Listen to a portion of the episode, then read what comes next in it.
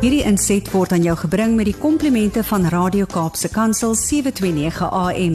Besoek ons gerus by www.cape pulpit.co.za.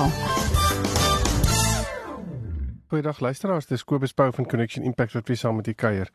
Ja, en wat 'n lekker dag is dit vandag om sommer net weer te sê kom ons kom sit 'n bietjie rondom die radio, ons kuier saam rondom hierdie onderwerp van die huwelik.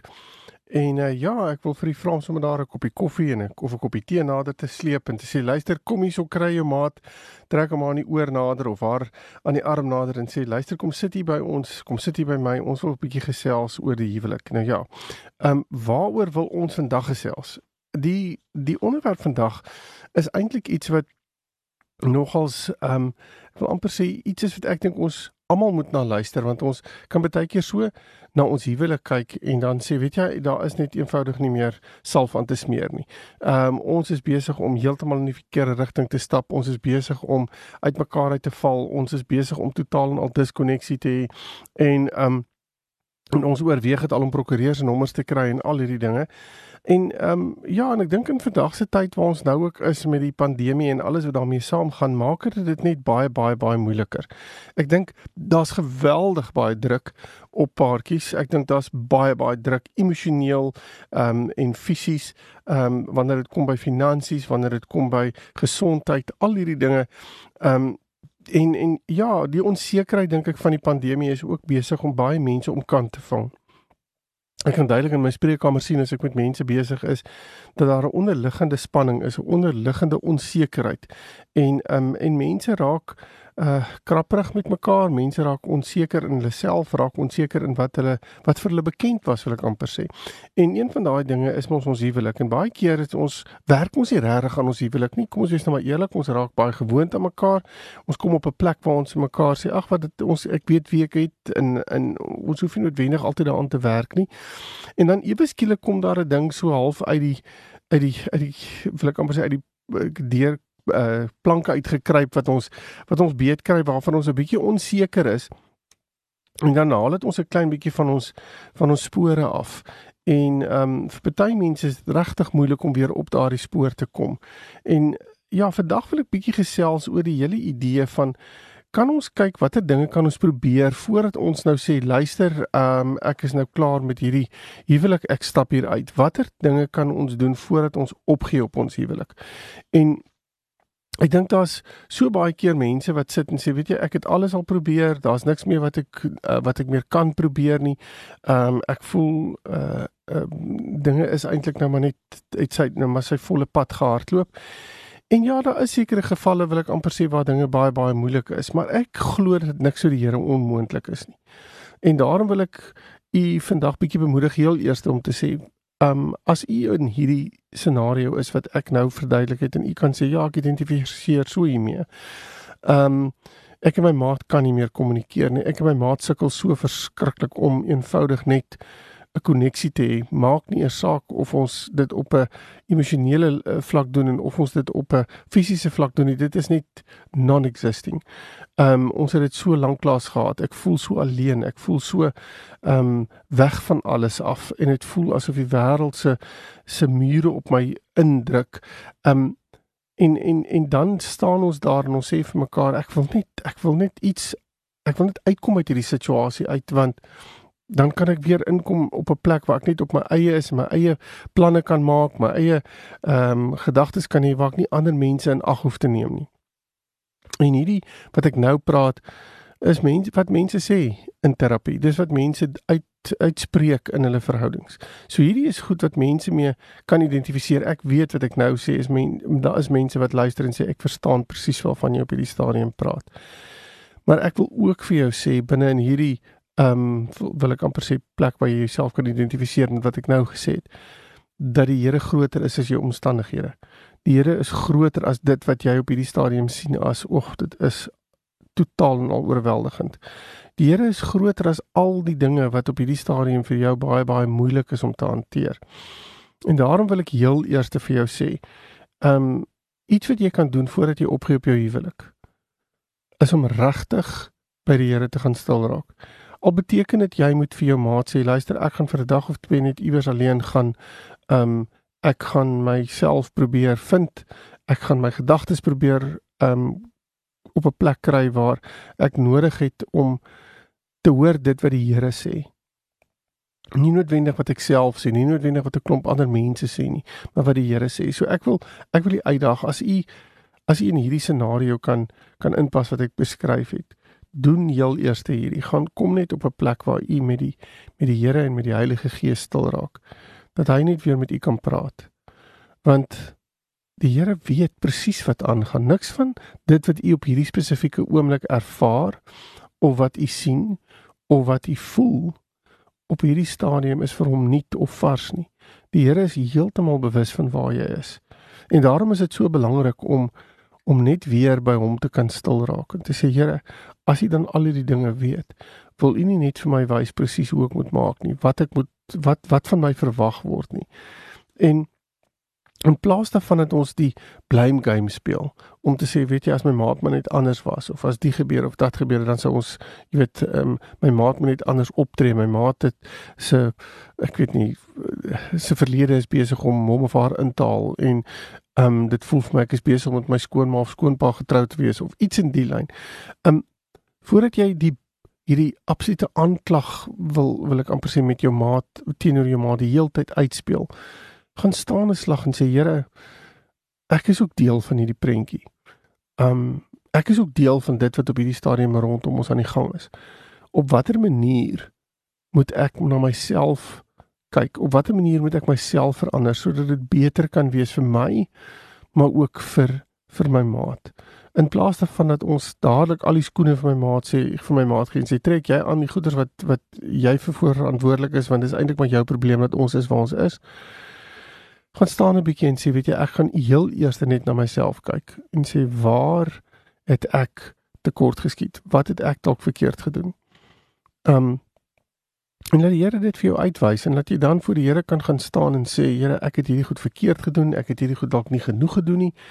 Um ek het dalk hier verkeerd gepraat, ek het dalk hier ek het dalk hier verkeerd gepraat, ek het dalk hier dinge gesê wat ek wat ek moes sê en nooit gesê het nie. Um So ja, ek dink dit is so belangrik om net heel eers te kan gaan staan en te sê Here, wys vir my die pad. Wys vir my die ek wil amper sê daai heel daai hele padkaart wat U weet presies hoe ons weer bymekaar kan uitkom.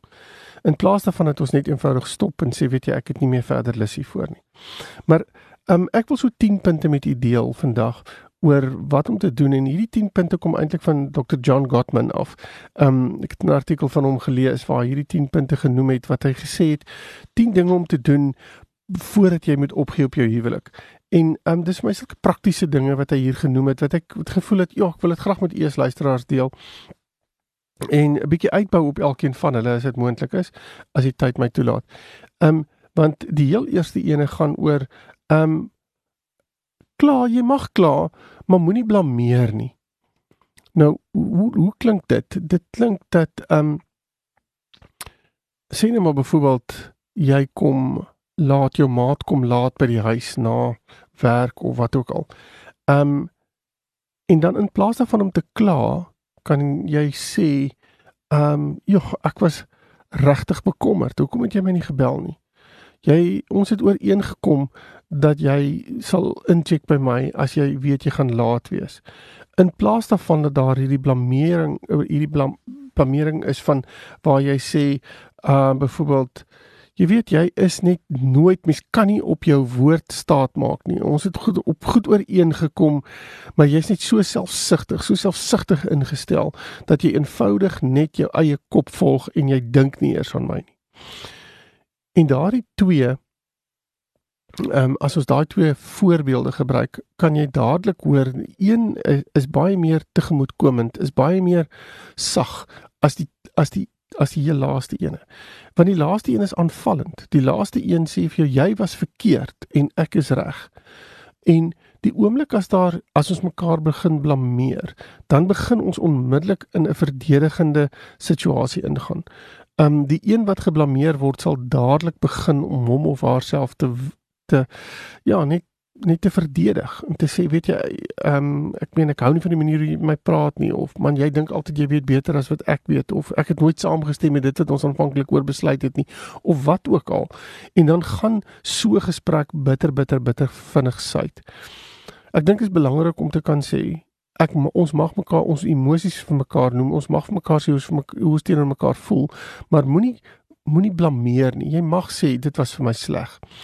Um, Ek dink die ander ding wat belangrik is is wat eh, Dr. Gottman sê is dat ons moet konflik um, vaardig probeer herstel. Uh hy sê in sy navorsing dat 69% van alle konflik word eintlik nooit opgelos nie. Um, so ons moet baie vaardig wees in hoe ons konflik wil hanteer. En daarom is dit vir my so belangrik om te kan gaan sit en sê as daar konflik is, wees bewus daarvan dat daar twee realiteite is. Wees bewus daarvan dat wat my maat ervaar en wat ek ervaar is twee verskillende dinge. Anders sou dan nie konflik gewees het nie. En ons moet hierdie konflik op so 'n manier hanteer dat ons mekaar moet probeer uitluister binne in hierdie scenario. Nou weer eens ek het dit al baie baie kere gesê, dis nie so moeilik om konflik uit te sorteer as ons nie noodwendig veilig by mekaar is nie. So daarom moet ons aan die veiligheid van ons verhouding ook werk. Um maar om om aan konflik ook te werk terselfdertyd is om te sê kan ons in plaas daarvan dat ons net eenvoudig ek wil amper lostrek op mekaar want dit is vir my nie omvaardig gewees in konflikhantering nie. Maar die derde punt is wees gefokus op dit waaroor dit nou eintlik gaan. Moenie soos die Engelsman sê hierdie rabbit trails gebruik waar ons hardloop op verskillende dinge wat nie eintlik regtig sin maak nie. Dis so belangrik om te kan sê dat ons moet gefokus bly op dit waarmee ons op hierdie stadium besig is.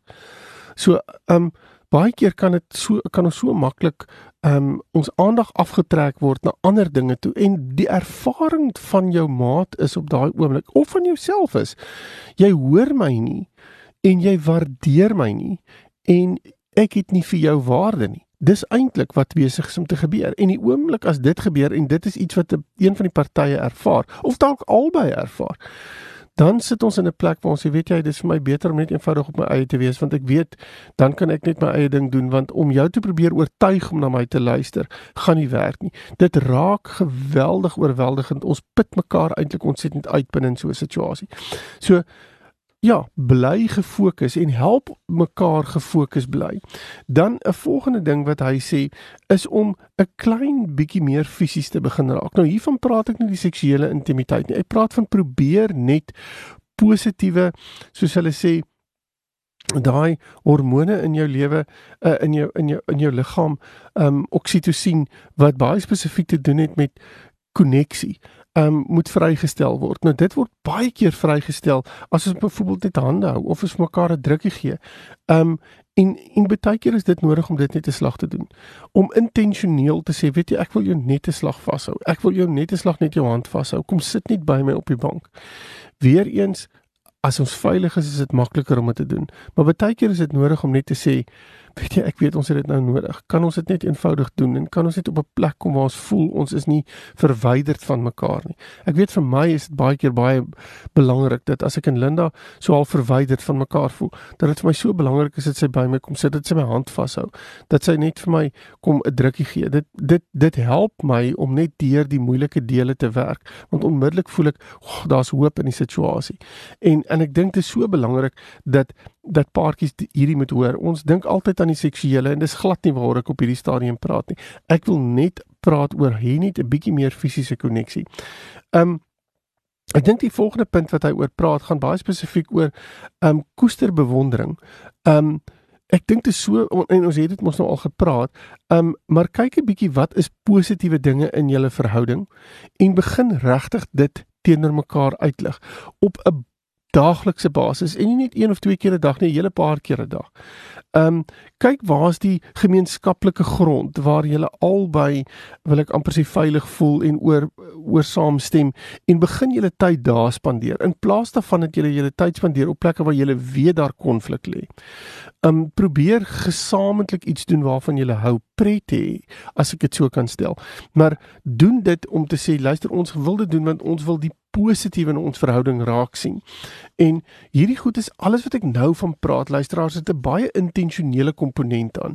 Want ons voel nie noodwendig nou so nie, nê? Ek het mos aan die begin gesê ons voel nou half ons is nie baie lekker vir mekaar nie.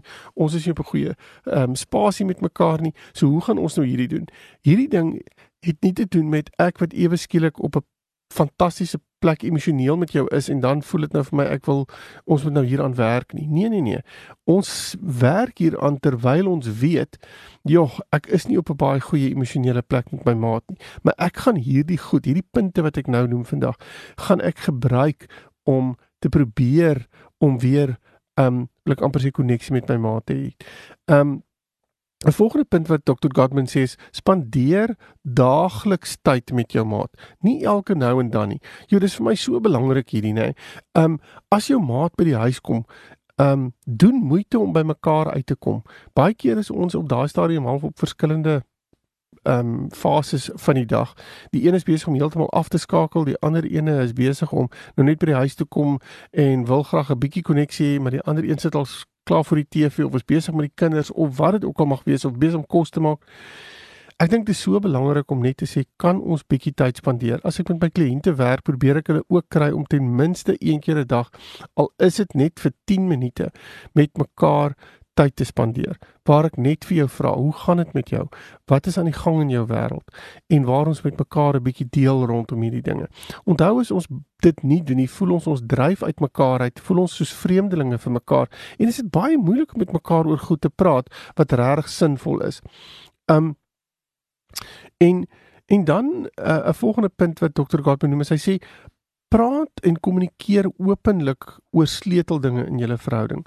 Um gaan maak seker wat dit is wat op hierdie stadium tussen julle staan. Ek wil amper sê as julle weet daar's so 4, 5 goed wat regtig die sleuteldinge is wat julle wat julle vang, dan probeer met mekaar oor dit gesels. Maar nou wil ek hier 'n kant nota maak. As u dit nie reg kry nie, as jy agterkom jy ons is onmiddellik weer in 'n konfliksituasie. Ons is onmiddellik weer op 'n plek waar ons mekaar nie hoor nie.